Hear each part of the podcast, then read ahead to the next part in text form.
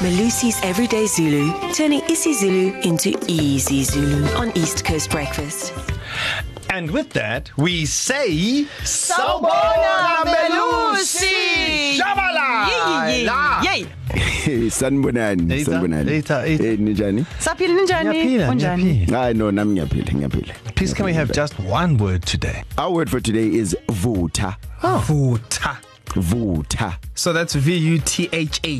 yebo Okay. yebo Word. yeah vutha What does it mean?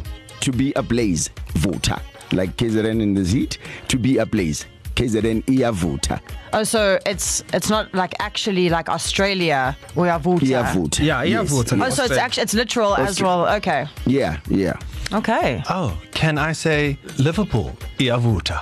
definitely yeah Bro, yes Darren, definitely That is that is a great sentence. Thank you. that is that is amazing yeah Liverpool iyavutha yeah You, you Red know hot what, fire M- Melusi? Darren thought I was he was expecting a reaction from you, but I'm going to give him anything. I'm not going to give him nothing. In Liverpool Valley, Yavuta. pe ivutha pe Ivuta. Okay, Well, in can fact, uh, I? after that sentence, Darren Moll or Yavuta?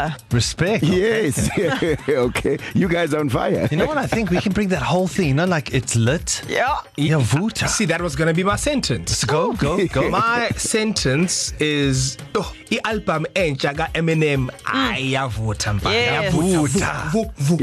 ayavuta Well, this is this is this is the easiest thing. Kids, all you need to do is find the thing that you think is lit. Yeah, and if you found oh your litness, send a voice note to 0617929495.